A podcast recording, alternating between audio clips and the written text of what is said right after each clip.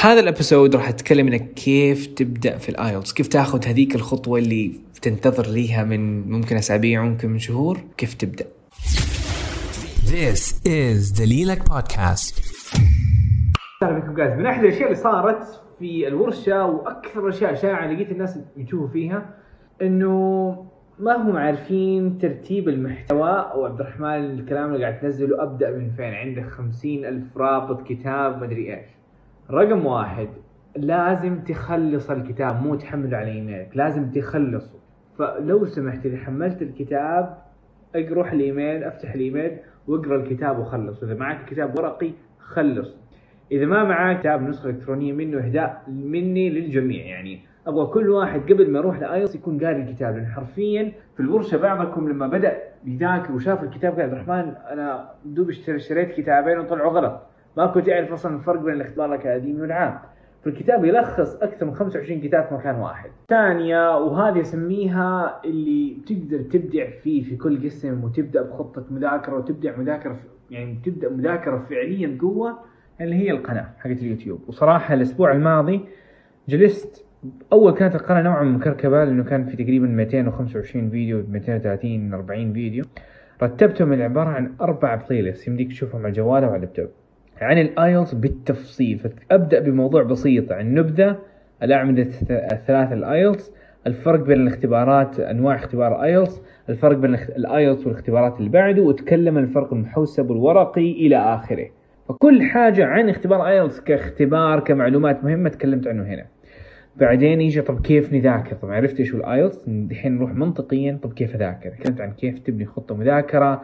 إذا كان عندك ثلاثة أشهر في شهر في إذا عندك سبع أيام كيف تبني خطة مذاكرة من الصفر؟ ذاتي حرفيا خطط المذاكرة كل مكان في خطة. طبعا الخطة مثلا اعطيكم مثال خطة سبعة أيام حلو؟ كل الروابط وكل المواقع مرتبة بالأيام. حرفيا يعني all you have to do is just نيجي في الأقسام ونبدأ بأصعب قسم اللي قسم الكتابة.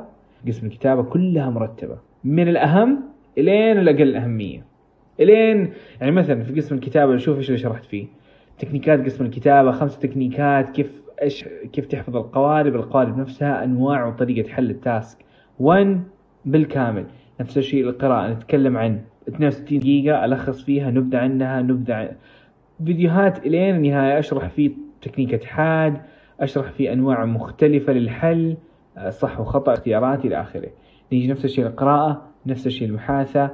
اللي مهتم فقط بتطوير اللغة لسه ما يبي يختبر ال IELTS هنا موجود عندك ال playlist اللغة في الاختبار القريب you know what to do. تابع خذ الكتاب خلصه روح قناه اليوتيوب ختمها. وبالتوفيق صراحة معي. من أحد الأشياء اللي قاعد أسوي صح إنه قاعد أطلع محتوى بالكيلو في اليوم الواحد لكن في نفس الوقت من أحد التحديات والأشياء اللي بشتغل عليها إنه في نفس الوقت مع كثرة المحتوى الموضوع ما يصير مشتت. فعشان كذا رتبت الأمور ما هو داعي للتشتت كل حاجة مرتبة. السبب أنا قاعد أنزل محتوى كثير إنه تتذكروا إنه في ايلتس ونفس المعلومة ممكن أقولها بطريقة أفضل بطريقة أقوى وتوصل للناس أكثر وتساعدهم أكثر. وإذا في حاجة فعلا جديدة كمان أشاركها وأطلعها كمان. فالسبب إنه قاعد أطلع محتوى أكثر إنه اساعدكم أكثر قد ما أقدر. لأنه إذا نزلت مثلا ثلاث أربع فيديوهات وستة على اليوتيوب ما كان حيكون تأثيره زي ما دحين في مصدر وتكلمت عن كل كبيره وصغيرة وكل يوم بضيف يعني. ما هو فقط تكراري تكرار وإضافة وبأسلوب أقوى بإيجابية أقوى